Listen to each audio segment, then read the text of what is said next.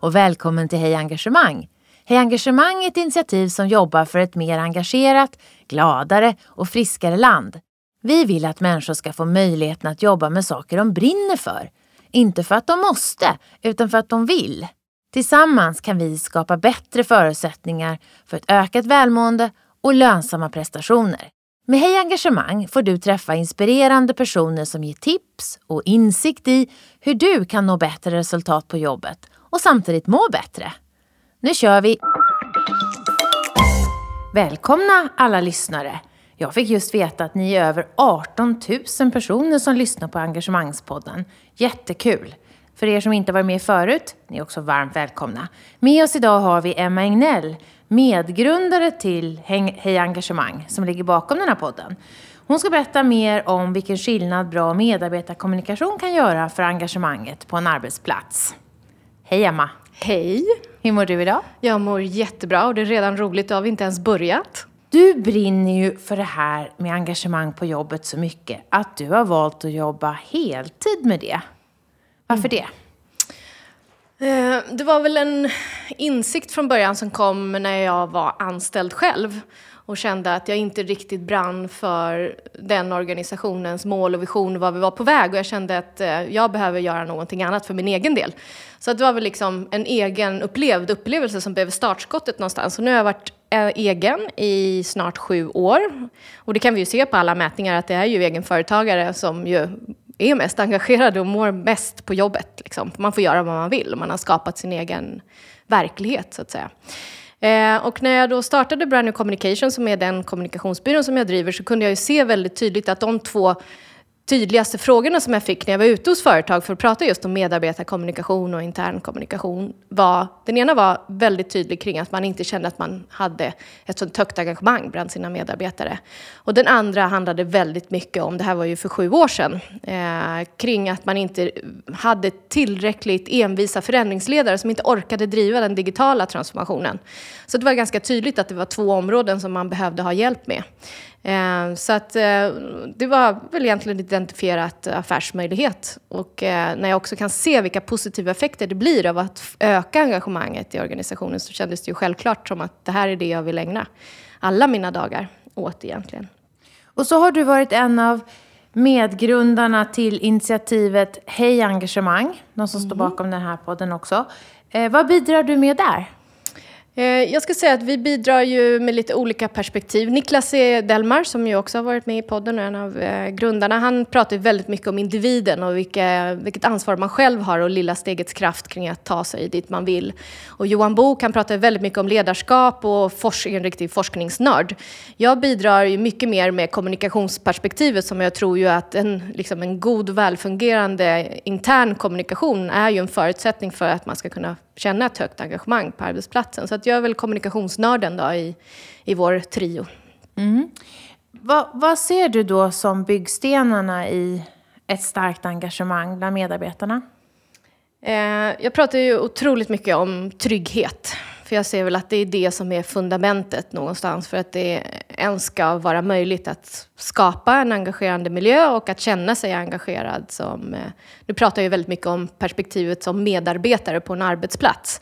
Men det är klart att, att känna sig trygg är ju också viktigt för dig som individ.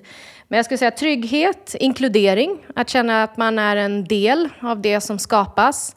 Att man inte hela tiden blir utsatt för förändringar och för kommunikation, utan att man är en medskapare av det som händer. Eh, skulle jag också säga är en tydlig eh, byggsten. Sen är väl också dialogen är ju jätteviktig. Jag brukar säga att om dialog var liksom matematik så är det ju ett plus ett blir tre. Och det är för mig inte en floskel, vilket det är för många. Men dialogen skapar så otroligt eh, liksom ett klimat eh, där man vill vara och där man vet att man blir lyssnad på. Så att det skulle jag säga, trygghet, inkludering och dialog är väl de tre byggstenarna som jag tydligast ser. Eh, dialog mellan vem i en organisation är viktig? Eh, jag skulle säga att dialog på alla nivåer är egentligen är viktig. Och eh, det som kännetecknar en god dialog är väl egentligen att man kommer med någonting själv, så att säga, en idé om någonting. Men att man är öppen och explorativ kring andras tankar och idéer. Att man har ett mindset i att man säger ja och lyssnar och vill förstå. Eh, vi brukar prata väldigt mycket att man ska lyssna med intentionen att förstå. Och jag tror att det är där som liksom grunden i dialogen bor. Och det är ju såklart att det är mellan ledare, det är ifrån ledare ledningsgrupper till mellanchefer, att involvera i den dialogen och sen medarbetare emellan. Att kunna hjälpa varandra till exempel och att ha en dialog om vad man är bäst på eller vad man drivs av också så att man liksom på riktigt får göra det man är bra eh, på arbetet. För det är en av de sakerna som vi vet också verkligen driver engagemanget, att göra det man är bäst på. Um, och um, om vi skulle säga så här då, vem är ansvarig för att en individ känner sig engagerad på jobbet? Mm. Det är ju klart och tydligt att det är ett eget ansvar eh, som individ man har för att behöva känna att man är på rätt plats. Eh, men sen så tycker jag att det finns ju också ett ansvar som hela organisationen har och som ledarskapet också har, att skapa förutsättningar för att man ska kunna känna sig engagerad. Men jag tycker ju någonstans, eh, jag har själv varit i organisationer som jag har vantrivits i och jag tänker just det här begreppet att bättre fly än illa fäkta, finns ju någonting som bor i det. Att man ska försöka hitta en plats där man känner sig självklar eh, och där man känner att man bidrar och att man kan verkligen komma ut i sin rätt. Så jag tycker att man som individ har ett jättestort ansvar, men organisationen och ledarna också. Mm. Och så kopplar vi då engagemang till medarbetarkommunikation. Mm. Eh, och eh, du menar ju att kommunikationen är då ett verktyg, om jag förstår det rätt, mm. som kan användas för att stärka, förlösa, hjälpa en organisation att, att må bra, bli fungerande och eh, prestera bra. Verkligen. Och där skulle jag säga att eh, att liksom kraften i en bra medarbetarkommunikation kommer ju sig av att medarbetarkommunikationen är affärsdriven. Jag tror ju väldigt mycket, nu är jag ju ekonom och etnolog så jag har ju liksom en, en kombination av att jag har förståelse för affären men jag har också förståelse för berättelsen om man nu ska säga i den kommunikationen. Så att därför så affärsdrivande och värdeskapande kommunikation är ju den typen av medarbetarkommunikation som jag vet fungerar eh, egentligen. Så att den ska ju någonstans vara sprungen ur idén ur verksamheten. Alltså varför finns ens vårt företag? Vem kom på någonting? Vem såg en utmaning som jag ville lösa och därför skapade Eh, den här organisationen? Och sen när man liksom har förklarat det, då är det ju mycket lättare att berätta, okej, okay, men vad var det då som vi gjorde? Vad består vår affär av? Eh, och sen så tror jag att man måste vara superduktig på att prata också då vilka mål har vi för att vi ska se att vi kan nå och tillfredsställa de här utmaningarna som vi såg fanns på marknaden. Gäller det här också icke vinstdrivande organisationer? Verkligen. Eh, och jag har ju jobbat med icke vinstdrivande organisationer också. Där kan jag se att engagemanget för frågan i regel är väldigt hög. Men där kan det vara så att motivationen inte är lika hög, att man inte trivs. Det kan då vara i sin miljö eller med hur strukturer och processer ser ut snarare. Man brinner för frågan så att säga. Man är superengagerad i, i den. Men man presterar kanske inte på topp i alla fall för att man inte har en motiverande miljö då. Om vi går då till de här områdena som du eh, sa, så att säga, byggstenarna i ett starkt, mm. med, starkt medarbetarengagemang. Om vi börjar med det här med tydlighet. Mm. På vilket sätt kan kommunikation skapa tydlighet? Hur, hur tänker du där när du tar dig an ett uppdrag? Eh, jag tänker att eh, tydligheten handlar ju väldigt mycket om mål. Och vi vet ju att ett effektivt målarbete skapar ju väldigt mycket engagemang. För att man vet var man ska någonstans. Om målen är smart konstruerade så ger det kraft till organisationen. Så de ska ju vara utmanande men de måste framförallt vara väldigt tydliga. Eh, jag tror också att man i den världen där allting går så himla fort nu också, att man måste vara duktigare som ledare också och jobba med proaktiv kunskapsdelning och eh, omvärldsanalys. Och det ger också egentligen en trygghet att man vet var det är vi är på väg och att ledare är duktiga på att förklara det sammanhanget. För att det kan vara så att man på måndagen säger att nu ska vi svänga höger och sen så nästa måndag så ska vi tydligen svänga vänster. Och det är fortfarande rätt och det är det vi behöver göra men det är därför som det är så viktigt att skapa en miljö där man känner sig trygg, att vi vet varför vi går till jobbet. Och du sa att, att du, du pratade om att du också har pluggat till etnolog och tror på kraften i berättelsen. Mm. Eh, det är ju inte ett ord som vi ofta använder när vi pratar om, om mål och, och sätta mål. Att det ska vara någon berättelse kopplad till den här, eh, den här visionen. Kan du eh, utveckla lite hur du, hur du ser att själva dialogen, kommunikationen faktiskt ska utformas för att, att vara engagerande. Mm. Inte bara att den ska göras. Nej, jag brukar jobba enligt en, eh, egentligen en modell som jag kallar för content management-modellen. Och det är väl, om man liksom, nu ska man inte hålla på att använda engelska ord i onödan, men det handlar ju om en modell för att använda sig av budskap som ett ledningsverktyg. Och det tänker jag att ledare eh, generellt sett borde kunna bli lite bättre på. Och en beståndsdel i det är ju att man måste jobba med både intellektuella budskap och emotionella budskap. Och jag tror att det är kanske just i kraften i de emotionella budskapen, om man nu ska koppla tillbaka till etnologin, där man pratar väldigt mycket om hjärtat och, och magen och den kraften eh, vi kan ha på människors beslut eller på beteenden eller på drivkrafter och så, som är mycket mer kopplat till, till känslor än till intellekt.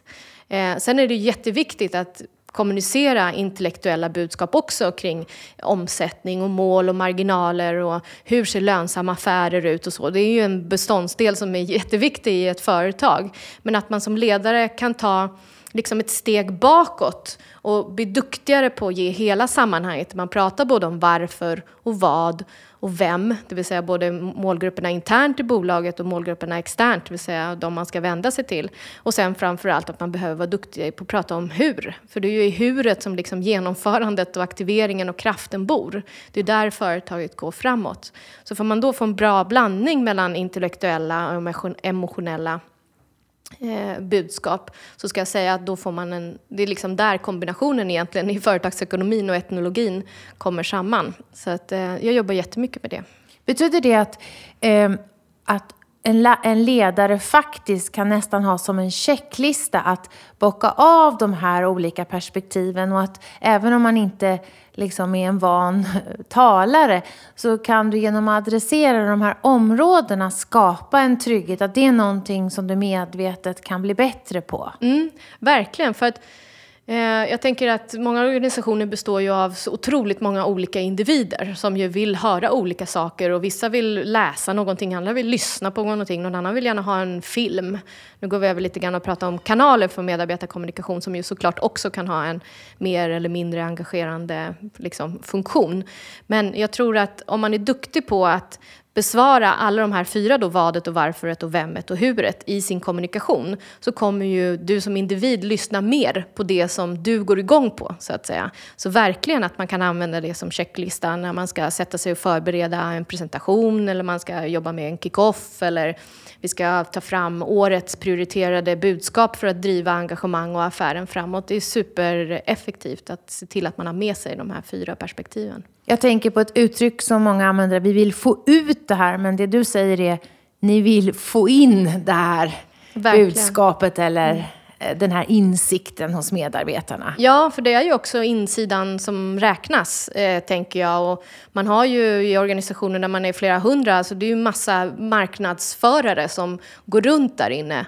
Och jag brukar även prata om något som jag kallar för sanningens minut. Och det handlar ju om att man sitter på på fredagskvällen på middag och så har jag såg en reklamkampanj från ditt företag. Jag säger att ni ska satsa på det här och det här. Och så menar det värsta scenariot är att man inte ens vet om det som medarbetare. Att man, jaha, har du sett en reklamkampanj på det? Det vet inte jag. Det är någonting som marknadsavdelningen eller ledningsgruppen har hittat på, det där känner jag inte igen.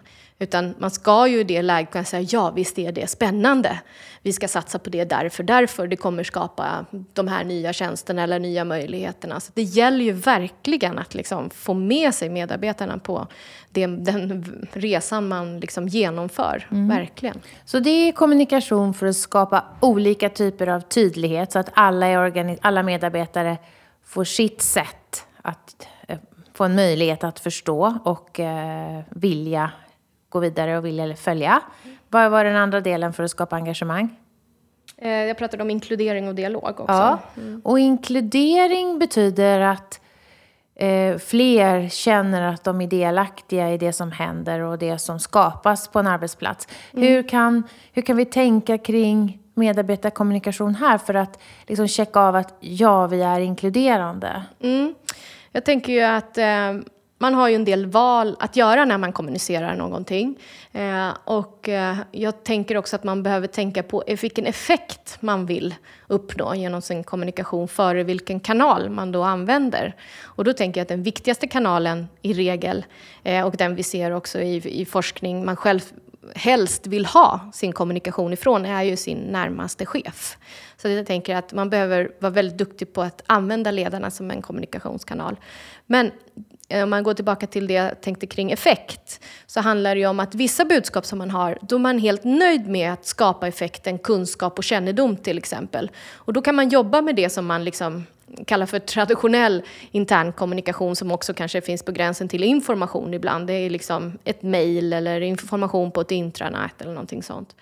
Eh, men om man vill skapa effekten engagemang, ägandeskap och handling, då, det är där det inkluderande kommer in. Vi tar ett exempel. Vi, nu berättar vi här att vi ska byta, eh, flytta huvudkontoret. Men vi ska inte bara flytta arbetsplatsen, vi ska också ändra arbetssättet. Det kommer mm. bli ganska genomgripande. Om vi tar det som ett exempel, mm. det är ju en ganska typisk sån här förändring som många står inför. Mm, verkligen. Ibland. Ja, men det, det är, eh, att flytta från traditionellt kontor till aktivitetsbaserat, det är väldigt många som, kunder som jag jobbar med som behöver ha den hjälpen i hur man ska engagera sina medarbetare i någonting som inte bara är en flytt.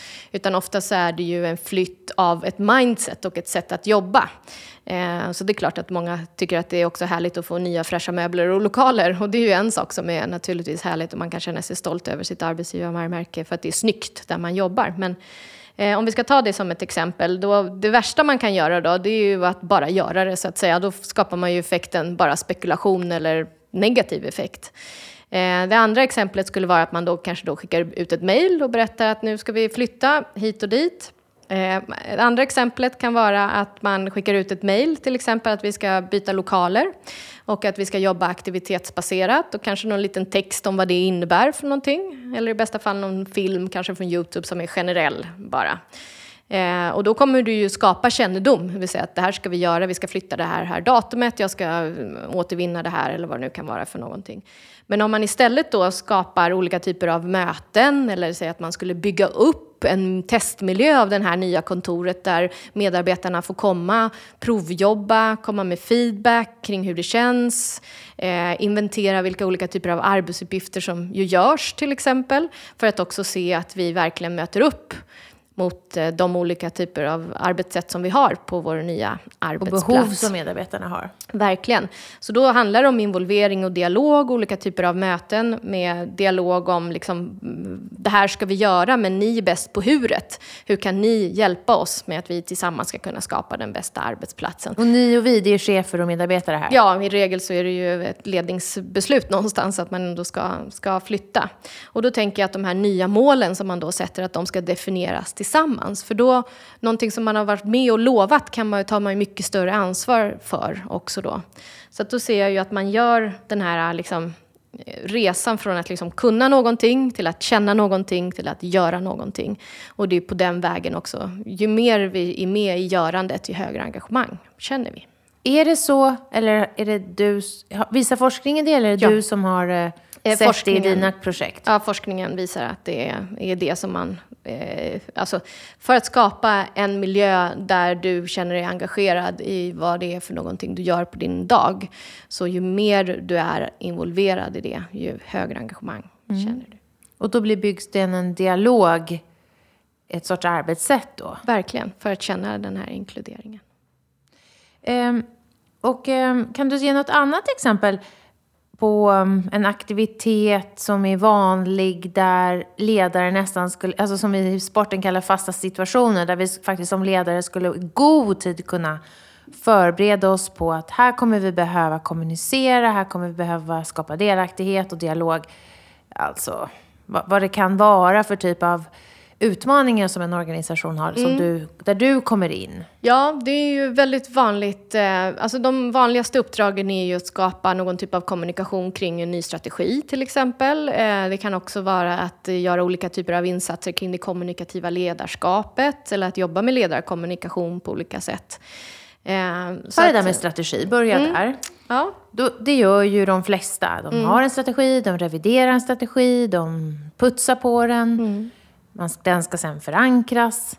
Eh, Precis. Och vad borde, vad borde en organisation som, som vill få mer engagemang göra vad det gäller medarbetarkommunikation? Jag tänker att det ansvaret som man har som högsta ledning är ju att vara väldigt tydlig med, om vi nu går tillbaka till den här content management-modellen som jag pratade om lite tidigare, det vill säga att de har ju ett ansvar för varför ska vi göra det här och vad ska vi göra? Och jag kan tänka mig att det kan ibland räcka de eh, mest lyckosamma exemplen där jag har jobbat med strategiimplementering så har man gett egentligen bara eh, direktiv kring varför och vad. Och sen har medarbetarna i olika typer av grupper fått varit med och skapa kring hur ska vi då göra och vilka mål ska vi sätta för att vi ska kunna nå våra affärsmål.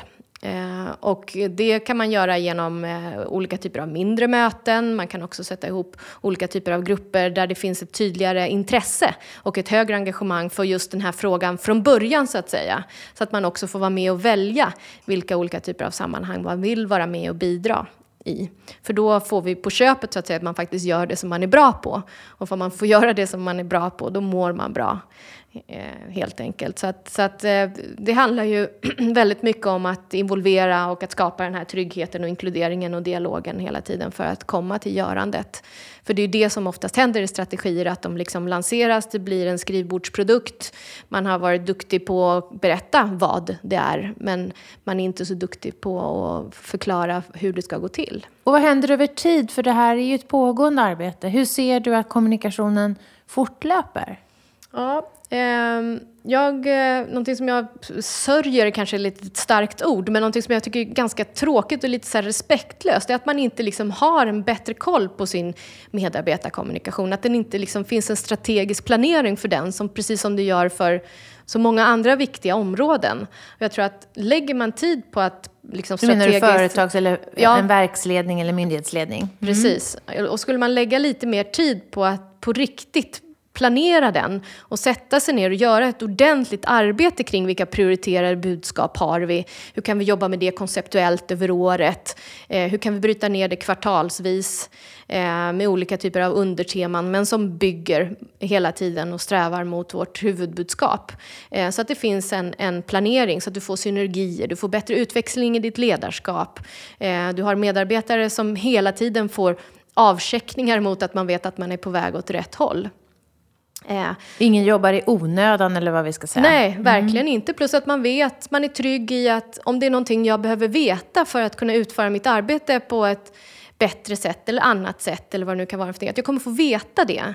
Man är inte orolig när man ser att två höga chefer går in och ut och sitter i ett mötesrum en hel dag. För att man vet att när de väl har kommit fram till vad det är nu de pratar om, då kommer jag få veta det.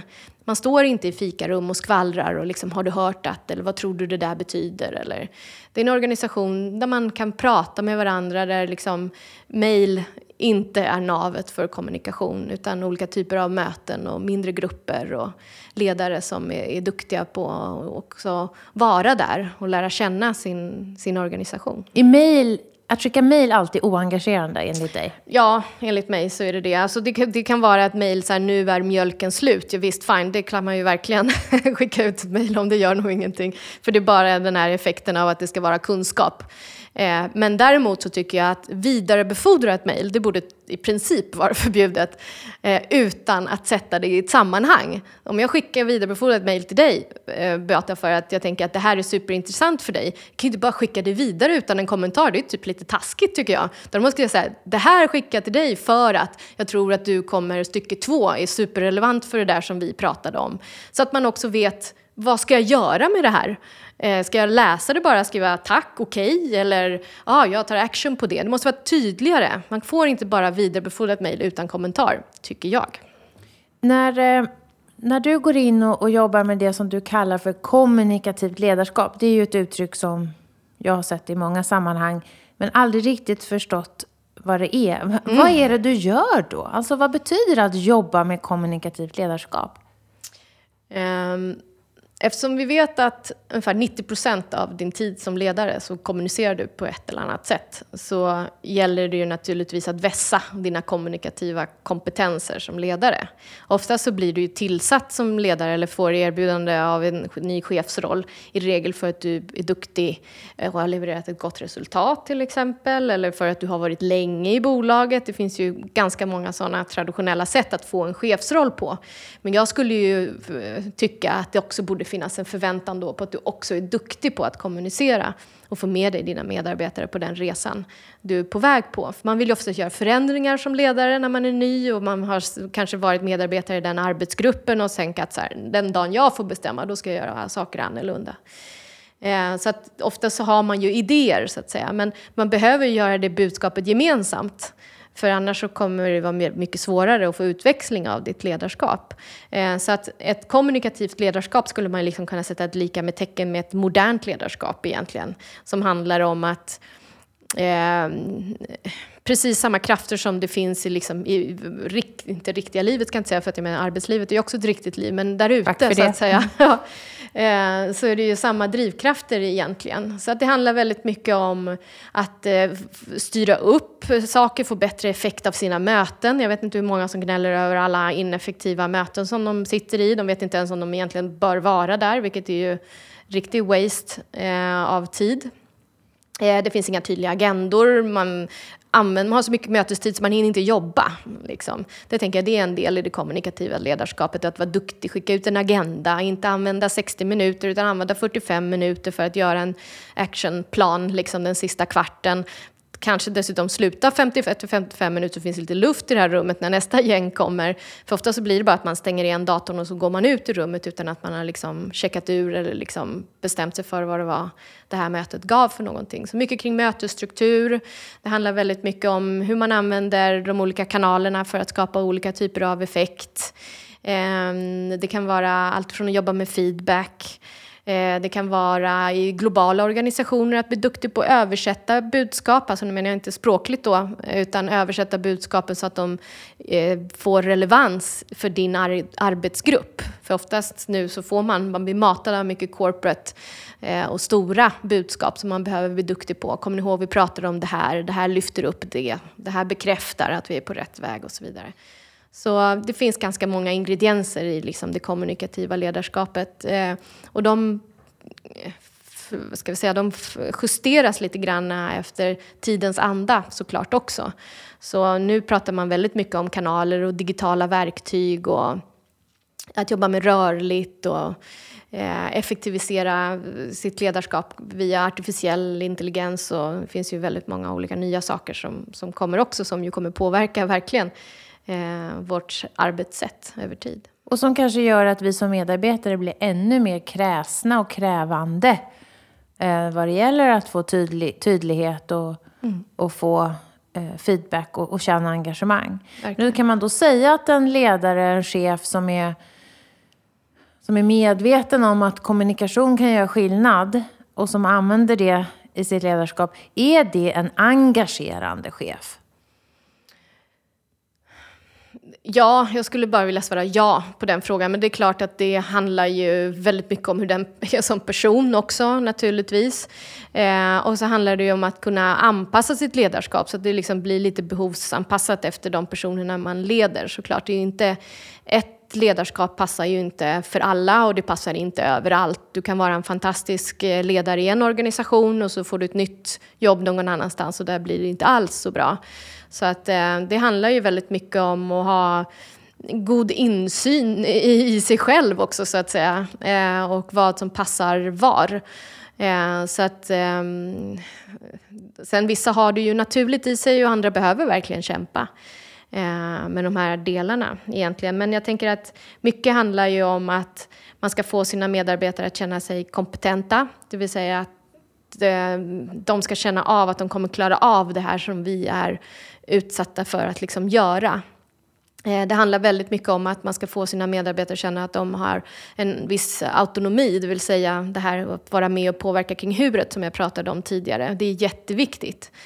Eh, att det inte blir för styrt. Vi inte bara utför, Nej. utan vi är med och påverkar hur Precis. vi ska få arbeta. Ja, mm. och den sista delen som jag skulle säga handlar ju väldigt mycket om, om, om det mjuka då, om, om samhörigheten och känna att man har en plats och att man bidrar, att det finns någon som bryr sig om en, eh, som ser när man kämpar extra Eh, mycket och kanske som inte bara premierar liksom ett gott resultat utan verkligen också kan uppmärksamma slitet. För jag tänker att man kan ju genomföra en fantastisk prestation men det resultatet vi önskade oss nådde vi inte.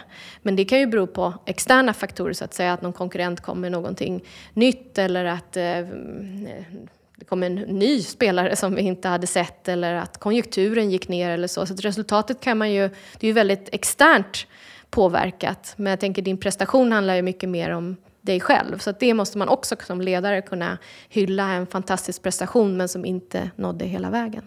Vi sätter, ju, vi sätter ju väldiga krav, eller vi har väldiga krav på våra ledare. Mm. Nästan så att ledaren glorifieras och eh, ska göra allting rätt. Har det här med autenticitet eh, någon, någon påverkan på engagemang? Och då tänker jag att en ledare som också erkänner att det blev inte som, som jag tänkte mm. mig här. Det blev inte riktigt eh, eh, så rätt som det borde ha blivit. Har det påverkan på Självklart har det ju påverkan på trovärdig, hur trovärdig mm. personen är. Men påverkar det engagemanget i organisationen? Ja, det skulle jag säga. För det eh, hänger ju ihop med den här med tryggheten som jag började med egentligen. Och att ledare som också känner sig trygga på sin arbetsplats för att de också i sin tur har ett gott ledarskap. Eh, de har ju mycket närmare till att prata om misslyckanden och saker som inte blev så bra. Och jag tycker också att man som ledare ska kunna vara inkluderande på så vis att säga nu vill jag prova det här. Det här har jag aldrig gjort förut. Eh, och att man liksom involverar medarbetarna i att få vara försökskaniner om det är det man vill, vill använda dem till. Så att säga att man har en öppen dialog kring det. Nej, det där funkade inte, så där kan vi inte göra. Så att jag tänker att, att eh, den går ju igen i ledarskapet också. Och det är klart att om man är autentisk och man är man känner igen sig i, i sin ledare oavsett om han eller hon är på gott humör eller om det går bra eller om det går dåligt. Att det finns en trygghet i att man vet hur han eller hon är. Det skapar ju en otrolig trygghet. Det värsta som finns är ju lynniga, opo opolitliga ledare som reagerar helt olika olika dagar beroende på vad som har hänt. Så att autenticiteten absolut, att man är sann så att säga. Eh, jag tror att man idag är mycket snabbare på att, eh, eftersom det blir så transparent också i sociala medier och det är mycket lättare att ha koll på och veta vem ledaren är så att säga. Eh, för att vi får en annan insyn. Så eh. behöver inte ha ledare som är övermänniskor. Tvärtom kan en autentisk person eh, med sina brister skapa engagemang. Ja, och eftersom vi ser att det är så otroligt många ledare som mår så dåligt också, att de känner sig ensamma och att de tycker att det finns liksom orimliga krav på dem. Eh, och nu när jag sitter och pratar här så kan jag ju själv känna att, att jag spär på alla de här kraven också.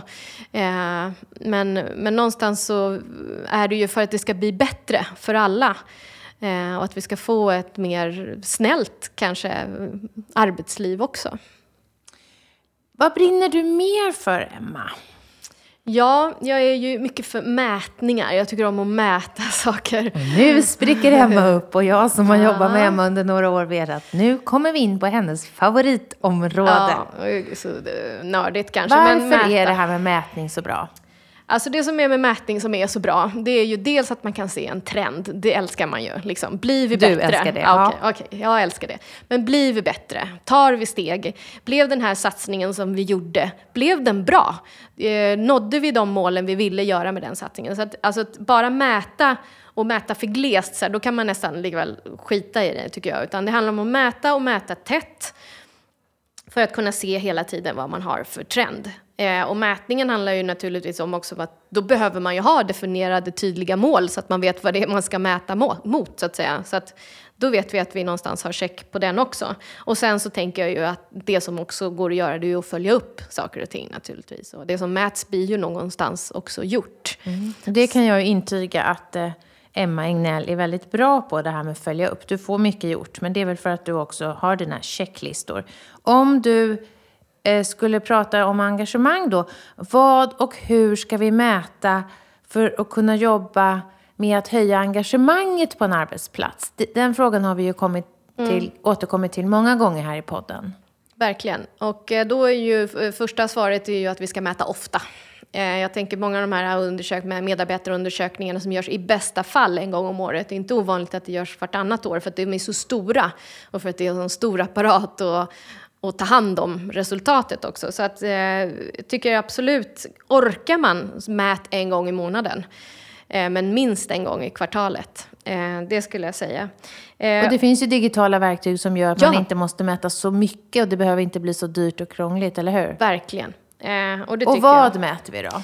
Eh, det jag tänker att det är viktigt att jobba med, det är ju då, har man då identifierat de här prioriterade budskapen som är då kopplat till affären eh, och till verksamheten, att man hittar grunden i det någonstans. Och sen så behöver man då titta på vilka olika typer av beteenden behöver vi då ha. Om vi kollar på, nu pratade jag ju om resultatmål och jag pratade om, om eh, eh prestationsmål. Men jag tänker också att det finns någonting som handlar om processmålen. Det vill säga hur gör vi det här för att vi ska komma vad behöver vi ändra på så att säga? Det handlar om arbetssätt och mm. samarbete, innovationsförmåga och så vidare. Ja, jag gör mm. det som jag är bäst på. Får jag återkoppling på, vi är uppföljd så att säga på det vi har bestämt och kommit överens om att jag ska göra. Eh, det handlar om, finner jag då eh, min verksamhetsmål engagerande för mig? Brinner jag för det som vi gör eller brinner jag för mina arbetskamrater eller bara mina specifika arbetsuppgifter. Sen tänker jag att det är naturligtvis då både kvantitativa och kvalitativa saker som man kan, kan mäta naturligtvis eh, för att också öka engagemanget. Och det finns ju de personerna i organisationerna som ju går igång jättemycket på siffror. Det ska vi ju också eh, se till att tillfredsställa dem. Men sen så finns det ju den största delen vad vi kan se går ju mer igång på liksom det som kopplar mer till magen och, och hjärtat. Och hur påverkas en organisation av att, eh, att, det, att eh, man börjar mäta kontinuerligt? Ja, jag tänker att också, det är också lättare då att se vad som inte funkar. Det vill säga om man nu ska prata om fail fast eh, och fail cheap någonstans. Eh, eller lära snabbt. Eller lära snabbt, ja det gillar du. Ja, mm. Det är mm. bra att du, att du gillar det och påminner mig om det. Men det handlar ju om det någonstans. Att man också faktiskt kan se på en sprint på kanske tre månader att nej, men det här får ingen effekt. Varken för välmåendet eller för ökad effektivitet eller vad man nu har haft satt för mål. Så att säga med, med den insatsen som man gör. Då får man skruva. Och skruva och skruva och fixa och greja och lägga till och ta bort och vara agil i det på något sätt. Så det är därför som jag också tycker att den här tätheten bidrar ju till att vi faktiskt ganska snabbt kommer kunna göra rätt saker. Vi gör så lite felarbete som möjligt. Ja. Mm. Skulle du, kan du säga så här att, att det, det finns något som kännetecknar de organisationer som mäter ledarskapets kvalitet eller engagemanget eller NMI, nöjd medarbetare, kontinuerligt? Är det någonting, är de en speciell grupp organisationer kan du säga?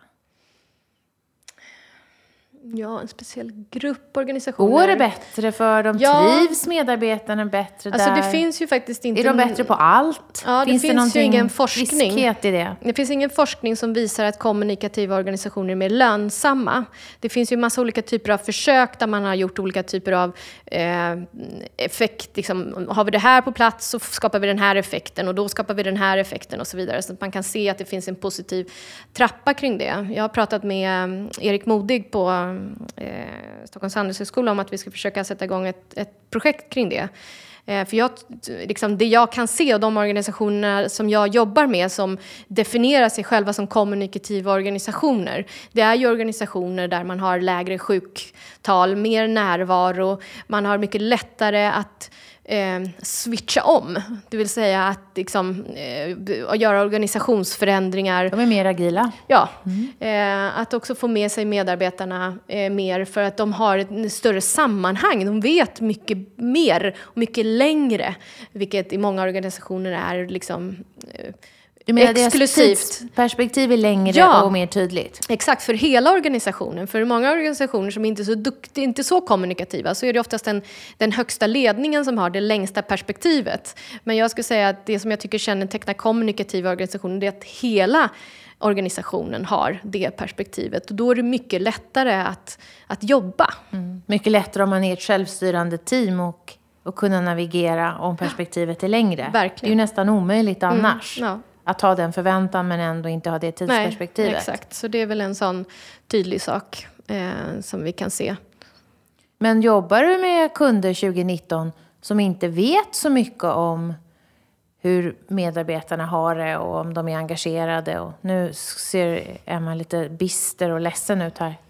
Ja, tyvärr så är det ju väldigt många organisationer som inte har koll på det. Eh, och ofta så är det då eh, kopplat till ett ett, ledarskap som är väldigt eh, riktat på siffror och ekonomiska resultat.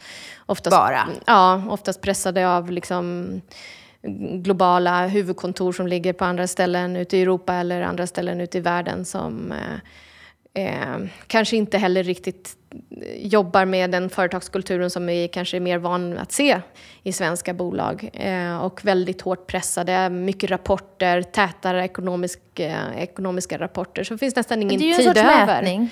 Ja, men det finns liksom ingen tid över riktigt för att eh, kommunicera och prata med medarbetarna och se till att man har med sig dem. Utan det handlar bara om att snabbt gå ut, berätta vad det är som gäller nu och liksom kör, sälj, exekvera. Nu kör vi. Eh, och om man inte vet då vad man ska köra så ja, folk står ju still istället då. Så att om du går in i en sån organisation så kan ett tecken vara att folk säger det händer ingenting men ändå är det stressigt. Mm. Ja, de vet inte. Ja, precis. Det är att de har problem med, med att förklara kring huret och kraften av genomförandet och aktiveringarna. Att det finns väldigt mycket strategier på pappret eh, men de är inte arbetade ut så att de ska i princip faktiskt, nu låter det här kanske lite hårt, men det är nästan som att de inte går att jobba med huret kring dem. För de blir för abstrakta. Vi, vi är ju inte så förtjusta i hierarki längre 2019, men ändå är många organisationer ganska hierarkiska. Eh, är det, är det en, en förutsättning som gör att det inte går att jobba med engagemang på sikt? Ser du att, att det ändå går även om en organisation har många expertlager och många beslutsnivåer? Ja, det är klart att det, det går ju, men det blir säkert, eller det är ju säkert svårare så att säga om man behöver, återigen kommer jag tillbaka då till den här planerade eh, strategiska medarbetarkommunikationen, att då behöver man ju bygga den, den kommunikationsstrukturen så att den möter upp efter den organisationsstrukturen som du har naturligtvis. Så det är klart att det går. Eh, men då behöver det finnas ganska tydliga riktlinjer kring hur vi får ut ett beslut som är taget i högsta ledningen. Hur lång tid får det ta? Vem, via vilka kanaler? Är det då mellancheferna som blir oftast i regel ännu viktigare i sådana typer av organisationer att de har kommunikativa skills och kan ändå skapa det här engagemanget. Så att jag tror liksom, jag vet att det går, men man behöver ha en struktur som, eh, som möjliggör det. Du börjar med att säga att egenföretagare är väldigt nöjda och engagerade. Det är en storlek på företag som är en person. Men många organisationer är ju flera tusen. Eh, är, det, är det tiden som är, behövs när man är en stor organisation? För att vi, det, det måste ta längre tid att genomföra förändringar eller att nå alla? Eller är det att vi måste ha fler olika sorters budskap eller fler olika kanaler? Förstår du frågan? Att, vad är det komplexa med att jobba med medarbetarkommunikation i en stor organisation? Jag skulle komma tillbaka att det handlar väldigt mycket om autonomi. Eh, och i många stora organisationer så finns det inte alltid utrymme för det. Och det är en utmaning. Autonomi för teamet, för ja. medarbetaren att få hitta sin egen väg. Exakt. Att nå målet. Mm. Ja, det skulle jag nog säga. Du har ju hittat på den här frågan eh, som jag alltid ställer här i podden, eh, som du nu också själv får svara på, nämligen om du var engagemangsminister för en dag, eller kanske för ett år, mm. vad skulle du fokusera på då? För att öka engagemanget och för att få ett mer välmående Sverige? Ja, om jag var engagemangsminister för en dag, om jag skulle behöva hitta på någonting som gick asfort, då skulle jag bestämma att vi skulle ha en nationell eh, helgdag det kan få vara alla hjärtans dag kanske, så kan vi fylla det med någonting annat än kommersiellt. Mm, eh, ja, röda rosor och eh, gosebjörnar eller vad det är man får för någonting. Men en dag där man får vara ledig, alltså en egodag, en engagemangsdag, jag vet inte. Men då tänker jag så här, då ska man få, man måste ägna sig åt sig själv på dagen och sen får man ägna sig åt dem man älskar på, på kvällen. Och en dag där man bara får reflektera, ha en kick-off med sig själv kanske. Sätta sig ner och fundera över liksom, vilket mål har jag då som person? Så en engagemangsdag eller en, eh, ja, någonting sånt, en egodag. Om jag bara hade en dag. För det mm. tänker jag, det kan man gå in och bara bestämma och så är det klart. Liksom. Om jag nu skulle ha ett år på mig, då tänker jag att jag skulle vilja att det fanns en siffra, ett engagemangsindex, som en obligatorisk siffra i alla bolags eh, årsredovisning. Eh, och det är ju ingenting man kanske gör på en dag, då behöver man nog lite mer tid på sig. Men att den mäts och synliggörs i alla organisationer. Jag tänker alltifrån liksom redan i förskolan, alltså det vill säga eh, där är det ju verkligen engagemang som slår klass, om man nu ska säga, det vet man själv när man eh, var på jakt efter att hitta bra förskola till sina barn. Ehm, så att någonting som gör att man behöver mäta det och man behöver eh, rapportera det och att det är en officiell öppen siffra som man kan ta ställning till om man vill investera, det har vi ju haft Mårten Westberg som var här och pratade om, men också om du ska ägna ett arbetsliv eh, där du själv ser att du kommer kunna må bra och komma till din rätt så tänker jag att man vill hamna någonstans där det finns ett högt index. Med tanke på hur, hur, vilka kostnader vi har för ohälsa så kanske det skulle vara en jättebra investering att Emma Ignell fick vara engagemangsminister för ett år och jobba med ett sånt här index. Ja, jag har inte tid men jag har så mycket annat som jag ska göra. Vad roligt att eh, prata om dina hjärtefrågor i, i podden. Och tack för alla ni som lyssnad. Hej då! Hej då! Vi hoppas att vi har väckt tankar om hur du kan bidra till ett mer engagerat Sverige. På hejengagemang.se kan du hitta mer inspiration och tips kring hur du som individ, ledare och organisation kan jobba för att skapa ett ökat engagemang, välbefinnande och nya resultat. Tack för att du har lyssnat!